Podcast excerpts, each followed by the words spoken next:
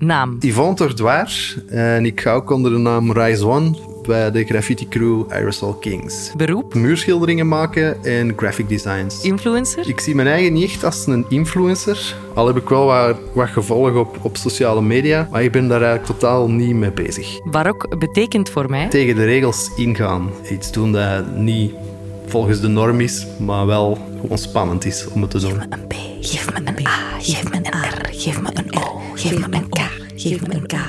Barok. Barok, de lange 17e eeuw. Jezuïeten erfgoed. Bedreigingen. Existentiële vragen. Krulletjes. Italië, Antwerpen, Rubens. Bach. Wacht. Hoe zit dat ook alweer? Barok als kunststroming, dat vertelt mij dat er verschillende disciplines verscholen zitten in dat woord. Dit is Hildegard van de Velde, de conservator van Museum Snijders en Rokokshuis. Als ik naar schilderkunst kijk, dan denk ik automatisch aan Peter Paul Rubens. Er zijn uiteraard een hele schare kunstenaars die met eh, schilderkunst bezig waren, maar allemaal onder impuls van Peter Paul Rubens, laat ons zeggen. Maar met het talent van schilderen alleen ben je geen influencer. Rubens was ook iemand die ontzettend veel empathie had. Empathie om het woord in beeld om te zetten. En dat is wel heel belangrijk. Daarnaast was hij ook een ondernemer. Had hij een gigantisch netwerk. En ehm, ja, zijn interesses zijn er natuurlijk ook. Hij kende zijn geschiedenis. Hij kende de klassieke oudheid. Maar hij kende ook de filosofie. En dat maakte hem een homo universalis. Dit is Antwerps, hier voel ik mij thuis. Dit is Herman van Goetem, rector van de Universiteit Antwerpen. Zoals ik ook in Italië dan de barok tegenkom, zoals ik die hier herken. Het is een soort van thuiskomen ehm, in een beeldtaal die mij heel nauw aan het hart ligt. Voor ons zijn de barokke influencers natuurlijk de grote Vlaamse meesters, Rubens van Dijk. Mensen die een, een wereldvermaarde eh, collectie kunst hebben geproduceerd, die je in alle musea tegenkomt. Dit is Harold Polis, intendant van barokke influencers. In het eh, festival Barokke Influencers echter gaan we ook op zoek naar de mensen die minder macht hadden, die, die niet tot de, kring van, van de monarchen en de, de plutocraten behoorden, de gewone mensen. Dit is Barokke Influencers, de podcast. Een reeks naar aanleiding en in aanloop van Barokke Influencers, het festival. Een stadsfestival van traditie en vernieuwing in Antwerpen.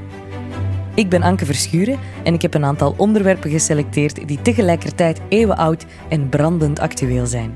Daarover ga ik in gesprek met invloedrijke persoonlijkheden van vandaag. Wat is barok? Toen en nu? Welke veranderingen heeft de kunst van het overtuigen op 400 jaar ondergaan? En hoe schatplichtig, onbewust misschien, zijn influencers anno 2022 nog aan hun barokke voorgangers? Je luistert naar aflevering 4 over schilderkunst en het mecenaat.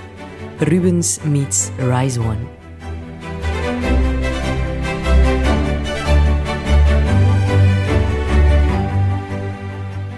Wie barok in Antwerpen zegt, zegt Rubens. Het is bijna een schande dat het pas de vierde aflevering van deze podcastreeks is waarin hij echt opduikt. Peter of Pieter Paul Rubens, die als barokke hofschilder van de aartshertogen Albrecht en Isabella als enige eis stelde dat hij in Antwerpen mocht verblijven, waar hij vandaag nog steeds zijn stad in het oog houdt, van op de Groenplaats. Misschien heeft hij wel gezien hoe ook de Antwerpse straten vandaag met kunst worden gekleurd. Misschien heeft hij de hofleverancier van de Antwerpse street art zelfs al aan het werk gezien, met zijn spuitbussen. Dat is Yvonne Tordoir, oftewel Rise One. Als ik het woord barok hoor, denk ik direct aan eh, overdaad en eh, ornamenten. Vooral wat je terugziet bij ons in de stad, eh, in de gebouwen. Ja, heel, heel drukke beeldtaal ik in barok. Ik denk dat mijn bekendste werk de gouden Antwerpen-letters zijn aan de Boerentoren. In 2018 eh, was het eh, barokjaar, het Antwerpse barokjaar. En dan heb ik eh, een, een project op poten gezet. Daar hebben we vier muurschilderingen gemaakt. Daar heb ik drie artiesten voor uitgenodigd. Dan heb ik zelf ook een schildering gemaakt. Ehm, en dat was geïnspireerd op ehm, de typografie, dat van mij vooral.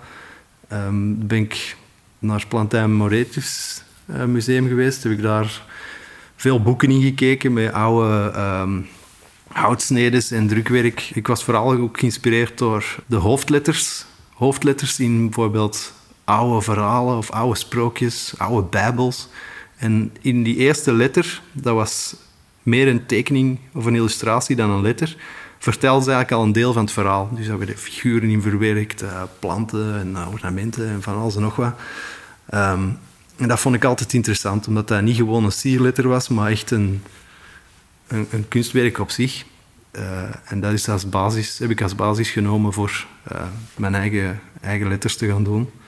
En ik wou eigenlijk iets nieuw maken, maar het moest ook lijken alsof het er al lang was. Dus ik wou eigenlijk iets, iets, iets fris, maar ook iets tijdloos maken. Dus ik heb een mix gemaakt tussen die oude uh, typografie en nieuwe elementen van graffiti van deze tijd. Uh, en dat in, in mijn letters gegoten. En ik denk, denk dat, ik, dat ik wel in die opzet geslaagd ben. Uh, omdat je, ja, je zit in een, in een oude, oude stad en een omgeving van heel zware, veel barokke gebouwen eigenlijk.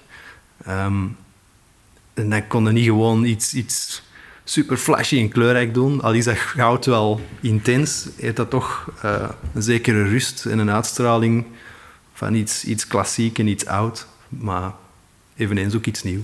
Dat is ook uh, heel veel gefotografeerd, heel veel toeristen uh, dat daar foto's of selfies maken. En is eigenlijk een beetje een soort gelijk Hollywood sign, maar dan Antwerpen.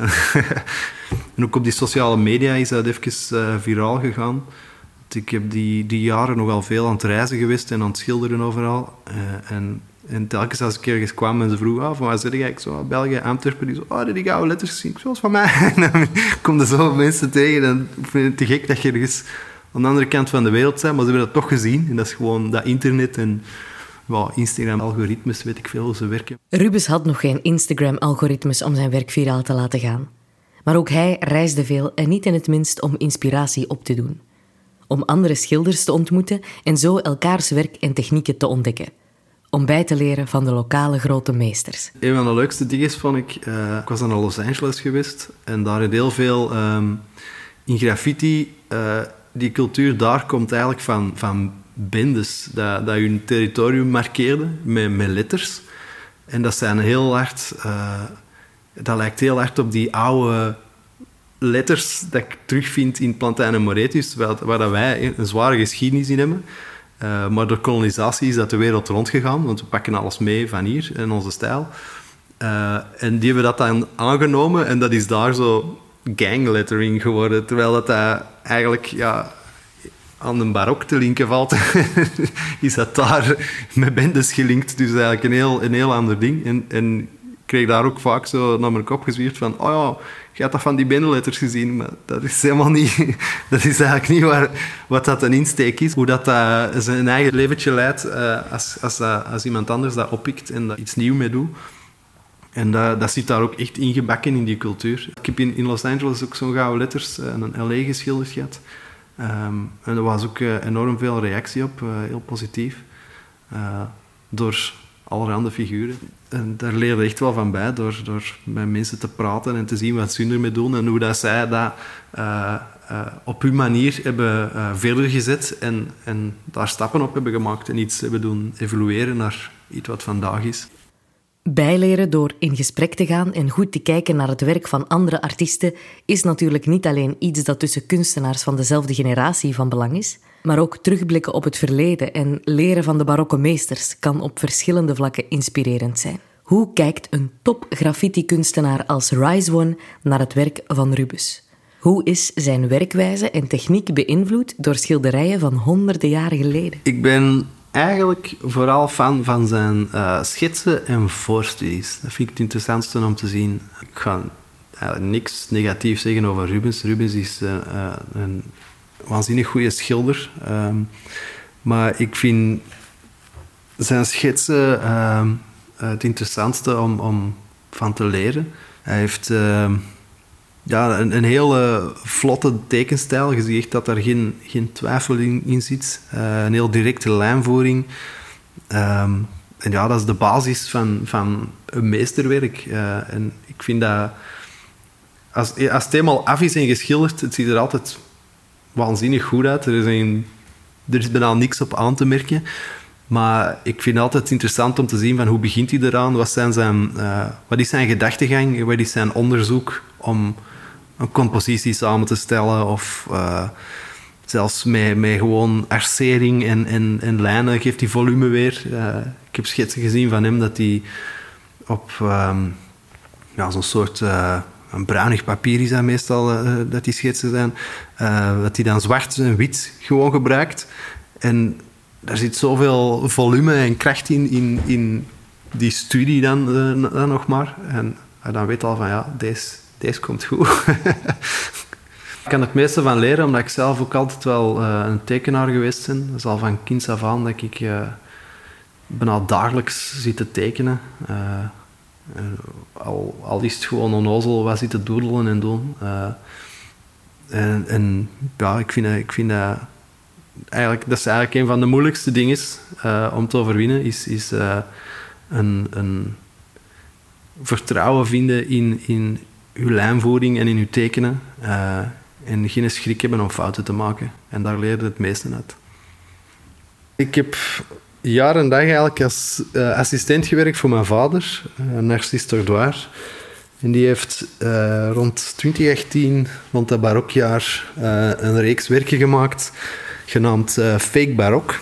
De initiële inspiratie daarvan uh, voor die werken waren uh, pastelschetsen van Tiepolo.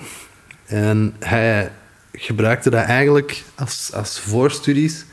Mijn vader is daar uiteindelijk heel grote werken rond beginnen maken, volledig in pastel. Eigenlijk een oude techniek die niet zoveel gebruikt wordt. Maar het interessante aan dat materiaal vond ik... Pastel is eigenlijk puur pigment samengeprest met ja, een soort lijm dat dat, dat, dat bijeenhoudt.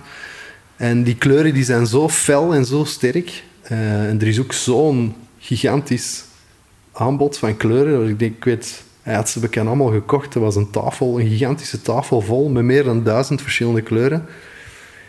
Uh, dus je kon zoveel, zoveel gevoel in, in, in, die, in die kleuren steken. En daar heb ik eigenlijk heel veel van geleerd. Uh, naar, naar kleurgebruik um, en, en kleuren mengen. Terwijl je met verf, als je verf gaat mengen, dan pak je de een kleur en de andere, je doet die samen, je roert dat bijeen en je hebt een nieuwe kleur. Maar die pastel, dat is een andere manier van mengen. Dan moeten op, uh, op het werk zelf uh, verschillende lagen, zachte lagen zetten, die dan samen beginnen blenden en, en een heel rijke kleur vormen. Dat heb ik later ook gebruikt in muurschilderingen. Ben ik op een andere manier uh, met kleur beginnen omgaan. Om niet gewoon, oh, ik heb hier een huidstoon in een potje. Nee, ik kan dat echt maken met kleuren eronder en erover en zachte overgangen. En heeft mijn werk heel erg beïnvloed. Maar ja, de vraag is of dat mensen nog, nog, nog van die dingen willen maken, van die werken willen maken, gelijk als ze vroeger gemaakt zijn. Ik ook, uh, moet ook zien in welke tijd dat je leeft. En, en toen was een commissie van, van de kerk of zo, uh, een portret van, van rijke mensen of, of van, van priester of van, nou, weet ik veel wat allemaal. Maar dat, dat, dat is nu, nu veranderd. Mensen hebben ook een heel andere noden om dingen te zien. Die willen niet meer per se een portretje van het gezin of zo. Een commissie voor de kerk of voor een rijke familie. Als je werken in opdracht even terugkatapulteert naar de barok, is er één woord dat meteen om de hoek loert. Mecenaat. Rubens mecenassen waren een lange tijd de aartshertogen Albrecht en Isabella. Als hofschilder maakte hij werk in hun opdracht. In ruil kreeg hij een jaarwedde van zo'n 500 pond en een heleboel voordelen, zoals vrijstelling van belastingen en van gildeverplichtingen. Hij kreeg het statuut van hofdienaar, werd niet onderworpen aan ambachtsreglementen en mocht zijn eigen ambacht vrij doorgeven en aanleren aan anderen. Ga je denken, als ik in opdracht van uh, koning Filip en uh, ons Mathilde niet moet gaan schilderen, dat het wel heel droog gaat worden? um, maar ja, geen belasting betalen, dat is altijd wel interessant. Uh, kost hier allemaal wel genoeg. Um, maar ik denk, niet, ik denk dat dat niet meer van deze tijd is. Een hofschilder is misschien niet meer helemaal van deze tijd. Maar ik ben wel benieuwd welke invulling het concept mecenaat vandaag kan hebben. Daarom heb ik afgesproken met Ingrid Stevens. Ik ben Ingrid Stevens. Ik ben eh, bestuurder en eh, aandeelhouder van Leo Stevens Private Banking. Een van de weinige familiale onafhankelijke beursvernootschappen nog in België. Financiële wereld, dus is echt wel een hele mannelijke wereld. Het is een familiebedrijf, dus letterlijk zijn de cijfers eh, met de paplepel gevoed geweest. Maar centen en procenten zijn nooit voldoende voor mij geweest. Dus um, ik heb altijd een enorme passie voor kunst en cultuur gehad. En een, een, vijftal jaar geleden heb ik toch een grote stap ook gedaan om, om, om mij meer en meer en meer te engageren in, het, in de museale wereld. En dan ben ik jaren bestuurder geweest van de Museumstichting. En nu ben ik al een paar jaar bestuurder van ons Koninklijk Museum van Schone Kunst in Antwerpen, waar ik heel fier op ben. En ben ik ook lid van de Algemeen Vergadering van Herita van uh, Erfgoed Vlaanderen. Volgens de Vandalen is een mecenas, de MVX, meervoud mecenassen, iemand die een kunstenaar financieel steunt. Het woord mecenaat is voor mij een heel archaïsch woord. Uh, roept vooral op zo het, uh, iemand die geld beschikbaar stelt voor iemand. Iemand die geld geeft. Een geldschieter. Dan vind ik het ook wel heel wat mooier. Een kunstbeschermer of een raadsman voor de kunst. Dus dat vind ik wel een heel mooi en ook meer juist begrip. Ik spreek liever over ambassadeurs van een, uh, van een museum of een vereniging of uh, van patronaat, patrons, zo. Uh, de vrienden van, hè, dat wordt ook dikwijls gebruikt, maar uh, de bevriende bedrijven van. Wat ik heel mooi vind weer bij het KMSKA is dat ze spreken daarover art ambassadors. Dus de ambassadeurs van kunst, vind ik heel mooi. Toen ze me een tijd geleden belden vanuit het, voor het project Barokke Influencers als bedrijf, hè, dus ik als bedrijf, ik als UFCiaan, uh, mijn hart voor cultuur, duidelijk voor fondsenwerving, heb ik gezegd, oké, ja, dat is één ding, maar is het, hoe gaan jullie dat aanpakken? En dan zijn wij gaan samenzitten en dan hebben wij echt nagedacht, hoe gaan we heel het fondsenwerving voor dat prachtig project aanpakken. En dan uw netwerk ook gebruiken, punt, dat is ook zo.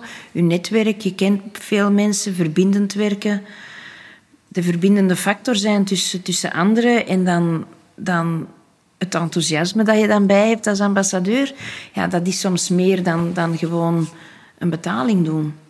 En um, uiteraard komt dan ook, als je dan al zoveel tijd mee hebt ingezet, ja, ik ga uiteraard voor mijn cliënteel verschillende events organiseren daar. Hè. Dus dan komt dat ook nog eens. Dat is veel interessanter dan gewoon een som geven. Mijn missie was eigenlijk van dag één meer de link te zijn, een verbindende factor te zijn tussen ondernemerswereld en het museale wereld. Want dat is enorm belangrijk en die was er gewoon te weinig. Die is al verbeterd, maar die is nog altijd niet voldoende. We weten duidelijk dat de, de overheid minder en minder financiën hebben. Dat is gewoon zo. Dat is niet alleen voor het culturele, maar dat is voor iedereen, spijtig genoeg. Maar aan de andere kant vind ik ook dat uh, het, de musea en, en anderen ook meer en meer zelfbedruipend moeten zijn. Dus dat kan alleen maar door de ondernemers erbij mee in te schakelen. Mijn eigen werk betaal ik door uh, uh, opdrachten te doen. En ik heb ook heel veel voor multinationals gewerkt. Ik doe ook vaak artprints dat ik, dat verkoop. Um, ja, een eigen werk zijn gewoon ook muurschilderingen dat ik maak. Hè. Dat, ik denk van, nou ja, ik heb hier ergens uh, een muur gevonden waar ik iets op kan doen. En dan, dan doe ik helemaal mijn dingen. Dan hoeft dat voor mij niet per se op te brengen. Want dat gaat, dan, dat gaat in eerste instantie niet om geld. Dat gaat gewoon om het creëren wat je graag wilt doen. En dat kan ik dan ook gebruiken om klanten aan te trekken dat dat goed vinden en zeggen van, ah, ik wil dat je dat komt doen. Dat is uw werk. Doe maar. Dat is wat ik wil worden. Dat is een kwestie van, van uh, vertrouwen hebben in, in een artiest. En uh, dat, is, dat is eigenlijk uh, de, meest, de meeste voldoening dat je eruit kunt houden. Iemand naar u stapt en zegt van, ah, doe gewoon je ding, want ik vertrouw dat dat goed gaat zijn. Ik weet dat je een goede artiest bent. Dat is gewoon... Dat voedt het ego.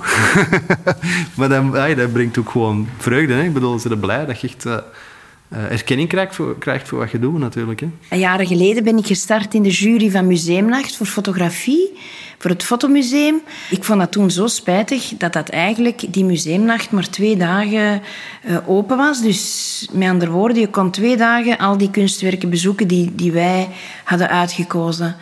En toen had ik al direct uh, het idee van, wij hebben ook een, een, een, wall of art. Wij hebben hier een mooie gang in ons kantoor. Waarom gaan we dat niet gebruiken om daar die werken nog een tijd hier te hangen. Dus dan heb ik dat, uh, is dat in orde gekomen. En al die jonge kunstenaars, die vijf jonge fotografen, hebben dan hier hun werk nog enkele weken, enkele maanden kunnen laten hangen. En dat is zo gebleven. Dus ik, ik kies om de zoveel maanden, kiezen wij een jonge kunstenaar uit die dan hier de kans krijgt om zijn werk te tonen. Die dan ook naambekendheid krijgt, omdat wij daar ook een, in onze nieuwsbrief, onze LS Focus, dat wij om de drie maanden naar al ons cliënteel sturen, wordt daar dan over gesproken, over die kunstenaar. En ja, die wisselwerking, ik vind dat heel fijn. Zij die bij mij in, in mijn wall of art hebben gehangen, die jonge fotografen, die weten dat. Uh, die kunnen op mij rekenen. Ik ga mee nadenken. Ik blijf hun ambassadeur voor de rest van hun leven, dat weten ze. Ik vind dan ook altijd heel fijn dat ze af en toe wat, wat zaken doorsturen waar ze nu mee bezig zijn. Als jij als beginnend fotograaf begint en je hebt een prachtig werk, aan hoeveel moet je dat beginnen verkopen? Het zijn zo die vragen. Niet dat ik dat allemaal weet, maar ik heb ook wel mijn gevoel en mijn advies. En ja, zo komen we wel samen. Ik denk dat we allemaal wel eens zitten dagdromen van... Stel morgen Euro Millions, het is gewonnen, pam, jackpot. Up, dubbele backflip. Ja, dan even nadenken. Wat gaan we ermee doen? Um, dat is gewoon een dagdroom. Hè? Dat is echt goede stuff. Um, um, ja, ik heb altijd gedacht van... Ja, dat zou geweldig zijn als je nu bijvoorbeeld ziet, uh, al die oude panden, gelijk de blikfabriek of de zomerfabriek, waar dat een tijdelijke invulling is, uh, waar dat ze van alle culturele activiteiten doen, die gooien ze plat. En wat doen ze ermee? Zoveel mogelijk geld maken. We gooien er uh, appartementsblokken op, supermarkten, whatever. gewoon geld, geld, geld. Dat is altijd waar het op neerkomt. Stel dat je daar eens een klein kunstdorp bouwt. Met ruimtes die betaalbaar zijn voor jonge artiesten en waar dat je kunt optreden, waar je werk tentoon kunt stellen, waar dat een degelijke galerij aan verbonden is, dat echt uh, die artiesten naar de buitenwereld kan tonen. Uh, dat zou een soort utopisch mecenaat kunnen zijn voor de cultuursector. En wat ik ook zo fijn vind, is dat ik de laatste tijd, of de laatste jaren, zo wel voel dat ik uh, regelmatig gecontacteerd wordt door via via dan door jonge beginnende kunstenaars of, of niet alleen beginnende kunstenaars om zoiets te pitchen. Hoe zouden we dat aanpakken? Hoe zouden we dat doen? Vind ik zo fijn om zo mee in, in hun leefwereld mee te gaan en dan toch de valkuilen wat aan te duiden. En soms zo dan via mijn ideeën, ervaringen, relaties dan toch wat te helpen. En je voelt dat je heel veel kan doen liever doe ik bijna, of niet liever, het is anders, doe ik ook zeker graag eens zo naar organisaties kijken en structuren. Hoe kan je die organisatie nu anders doen? Hoe krijg je efficiëntie? Hoe, hoe moet je dat nu aanpakken? Daar wat orde in de chaos brengen. Want dat is er toch wel dikwijls, zo wat chaos in de culturele wereld. Dat je zo wat meer orde brengt en wat meer inzichten. Maar dan wel met een menselijke aanpak. Hè. Ik ben niet de, de harde tante, hè, verre van. Ik ga luisteren en ik ga vanuit mijn ervaring dan wat meer structuren en lijnen trekken. Als ik dan toch de mecenaat was, stel je voor. Dan zou ik mijn uh, Antwerpen-letters uh, vereeuwigen door die om te zetten naar een mozaïek. Uh, street art is altijd iets tijdelijk. Alle verf is onderhevig aan de zon. Ehm, en binnen 10, 15 jaar schijnt dat af. Maar als je dat dan nog eens in een oude techniek kunt brengen, wat dat wel perfect past in heel dat verhaal van die barok, dan is dat iets voor de lange termijn. Als ik dan nou mannetje zijn en ik loop daar voorbij, dan staat dat er nog. En dat zou, ja, dat zou next level zijn in die street art. Dan gaat het eigenlijk van graffiti, een opstap naar street art, en dan nog eens een opstap naar echt hedendaagse kunst. Dus dan is dat een heel... Uh, een heel uh, pad dat hij heeft afgelegd om, om er te staan voor altijd. Als er iets voor altijd is, of tijdloos, of barok en hedendaags, dan is het wel de liefde voor kunst, die ons mensen maakt tot wie we zijn. De rol van kunst is eigenlijk enorm groot in mijn leven. Ook gewoon omdat ik opgegroeid ben met twee kunstenaars als ouders. Heel mijn jeugd van het een museum naar het andere gesleept, ook als we op vakantie gingen. Kwam naar het strand, maar ik zat in een museum. met de tijd ben ik daar toch uh, meer aandacht aan beginnen spenderen en meer naar beginnen kijken. En ja, het is gewoon een, een leerschool. Hè. Je, leert van elkaar en dan groei je als artiest, maar ook als persoon door hetgeen dat je doet. Dus ja, kunst heeft mij wel gevormd tot, tot wie ik ben vandaag. Jaren geleden heb ik toch wel iets dramatisch meegemaakt. Dat mijn man op dat moment een heel zwaar ongeval had. En dat was zo moeilijk. En ik heb toen gerealiseerd dat enkel het museumbezoek mij, mij kon troosten en kon helen. Ik heb dat enorm veel gedaan toen, die, die periode. Ik wilde eigenlijk weinig met, met mensen praten. Ik ging altijd maar kunst kijken. En dat gaf mij energie. Dat gaf mij enorm veel energie. En ik durf bijna zeggen dat kunst mij dus ja, gemaakt heeft tot de persoon wie dat ik nu ben. Dit was aflevering 4 van Barokke Influencers, de podcast. Naar aanleiding en in aanloop van Barokke Influencers, het festival. Dit Stadsfestival van Traditie en Vernieuwing is een initiatief van UXIA en de Universiteit Antwerpen. Rubens maakt natuurlijk integraal deel uit van het festivalprogramma. Onder andere van de centrale tentoonstelling Jezuïeten, Rubens en de kunst van het overtuigen. In het Snijders- en Rokokshuis zullen de verloren gegane plafondschilderingen die Rubens maakte voor de Sint-Carolus Borromeuskerk weer tot leven worden gewekt. Ook in die kerk zelf en in de notenboomzaal van de Erfgoedbibliotheek zal je van Rubens ongelooflijke erfgoed kunnen genieten. Alle info over het festival vind je op www.barokkeinfluencers.be.